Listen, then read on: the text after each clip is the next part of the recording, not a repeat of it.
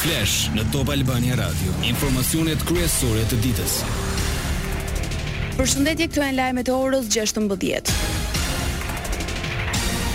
Seanca e sotme plenare nuk bëri dallim nga të kaluarat dhe zgjati vetëm 20 minuta. Pjesa e deputetëve të grupeve Bardhi Berisha që u lejua të ishte në sallë pamundësoi zhvillimin e punimeve normale duke bllokuar foltoren. Edi Paloka dogji rregulloren e parlamentit. Nëse ju gënjen mëndja se kshu do ecni në rrugën tuaj thash me ca që keni marrë ktu për turpin dhe faqen e zezë të tyre e keni gabim.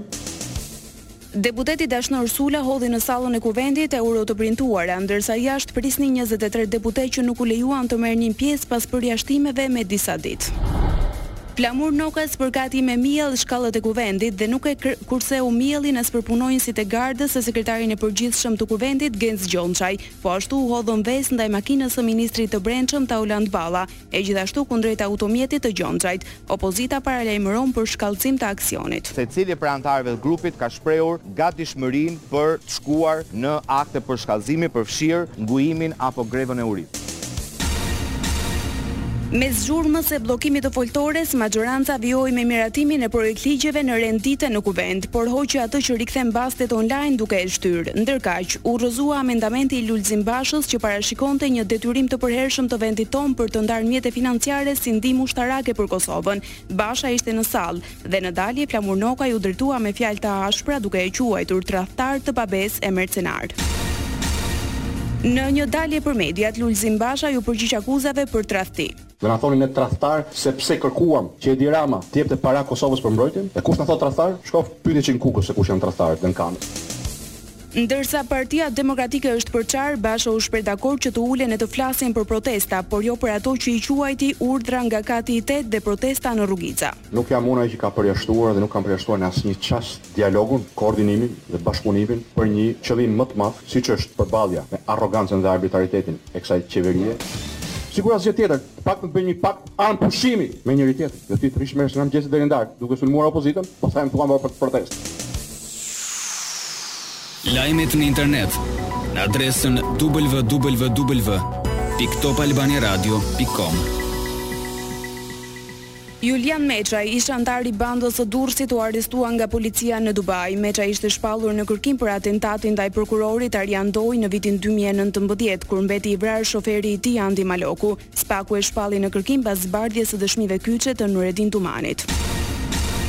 Sekuestrohen pasuri të biznesmenit Ilir Rrapaj me vlerë dyqind e nëntëdhjetë e pesë mijë euro. Spaku vendosi sekuestro ndaj dy kompanive të Rrapajt dhe disa aksione të tij në një tjetër shoqëri tregtare. Hetimi lidhet me shkeljet e pretenduara nga Spaku në koncensionin e sterilizimit me vlerë njëqind milionë euro dhe afat dhjetë vjeçar të fituar nga biznesmeni Ilir Rrapaj, tashmë i arrestuar bashkë me ish-zëvendësministrin e Shëndetësisë, Klodian Rrjepaj. Pesë persona u arrestuan dhe një tjetër u shpall në kërkim në Tiranë me akuzat e mashtrimit dhe falsifikimit të vulave, stampave ose formularëve me qëllim sigurimin e vizës amerikane. Mes të prangosurve është personi i cilësuar organizator, i cili nëpërmjet një faqeje në Instagram reklamonte aktivitetin e paligjshëm kundrejt pagesave dhjetë mijë euro. Të tjerë të arrestuar dyshohet se bashkëpunuan, duke ofruar të dhëna të rreme në formular. Ambasada amerikane iu bën thirrje të gjithë aplikantëve që aplikimet elektronike për vizë t'i dorëzojnë vetë dhe jo përmes të ashtuquajturave agjenci udhëtimi, konsulentëve të vizave ose kompanive të tjera që ofrojnë shërbime për to. Po ashtu, aplikantët duhet të tregojnë kujdes në lidhje me mashtrimet në platformat e mediave sociale, që pretendojnë se garantojnë viza amerikane. Lajme nga rajoni. Kryeministri Albin Kurti do të marrë pjesë në një seancë të jashtëzakonshme të Këshillit të Sigurimit të OKB-së, e thirrur me kërkesë të Serbisë. Aty pritet të diskutohet për zhvillimet e fundit në Kosovë. Kurti udhëtoi drejt Shteteve të Bashkuara bashkë me kryediplomaten Donika Gërvalla, Ndërkohë, presidenca serbe njoftoi se në seancë do të flasë edhe presidenti Vuçiç. Me një rezolutë urgjente të miratuar sot, Parlamenti Europian dënon parregullsitë e raportuara gjatë zgjedhjeve të shtatëmbëdhjetë dhjetorit në Serbi, duke kërkuar hetim ndërkombëtar, si dhe bën ftesë që të kushtëzohet vazhdimi i procesit të negociatave të anëtarësimit, me respektimin e standardeve demokratike të Bashkimit Europian. Rezoluta mori mbështetje të fuqishme. Në favor votuan 461 deputetë nga 557 të pranishëm, kundër dolën 53, 43 abstenuan. Në tekstin, rezultat i bisedimeve të disa grupeve politike të Parlamentit Europian, shprehet keqardhje që Serbia nuk siguroi zhvillimin e zgjedhjeve sipas standardeve e normave ndërkombëtare, si dhe për shkak të refuzimit të autoriteteve që të pranojnë se ndodhën parregullsi në votime. Lajme nga bota. Miliona pakistanezë po sfidojnë motin e ftohtë për të votuar në zgjedhjet parlamentare, teksa dhuna po rritet bashkë me problemet ekonomike e politike. Votimi që nisi në orën tetë të mëngjesit me orën lokale, po mbahet një ditë pasi tridhjetë persona u vranë në provincën Balukistan, po ashtu në kohën kur inflacioni ka arritur në tridhjetë për qind, dhe ish-kryeministri Imran Khan është në burg. Mbi gjashtëqind e pesëdhjetë mijë ushtarë, policë dhe paraushtarakë janë angazhuar për të garantuar sigurinë në Pakistan gjatë këtyre zgjedhjeve. Sondazhet parashikuan pjesëmarrje të vogël në vendin ku njëqind e njëzet e tetë milionë njerëz kanë të drejtë vote. Kjo për shkak të pengimit të partisë së Khanit, Pakistan Tehrik e Insaf.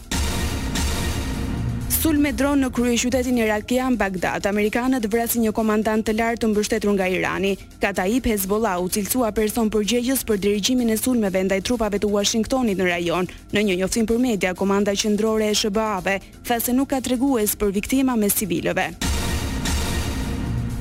Në Rusi, Komisioni Qendror i Zgjedhjeve refuzoi Boris Nadezhdinin si kandidat për zgjedhjet presidenciale të marsit. Ai njihet si figurë liberale e opozitës dhe aktivist paqeje, por nuk pranohet me pretendimin se paraqiti numër të madh firmash të pasakta nga mbështetësit. Tjetër shpërthim vullkani në Islandë, e dyta herë në më pak se dy muaj duke detyruar banorët e qytetit bregdetar Grindavik të evakuoheshin. Ky shpërthim që pason atë të tetëmbëdhjetë dhjetorit, u regjistrua në orën gjashtë të mëngjesit me orën lokale. Ndërkohë, lëshoi lavë përgjatë një çarjeje toke tri kilometra në verilindje të Mount Sundhnukur. Sport.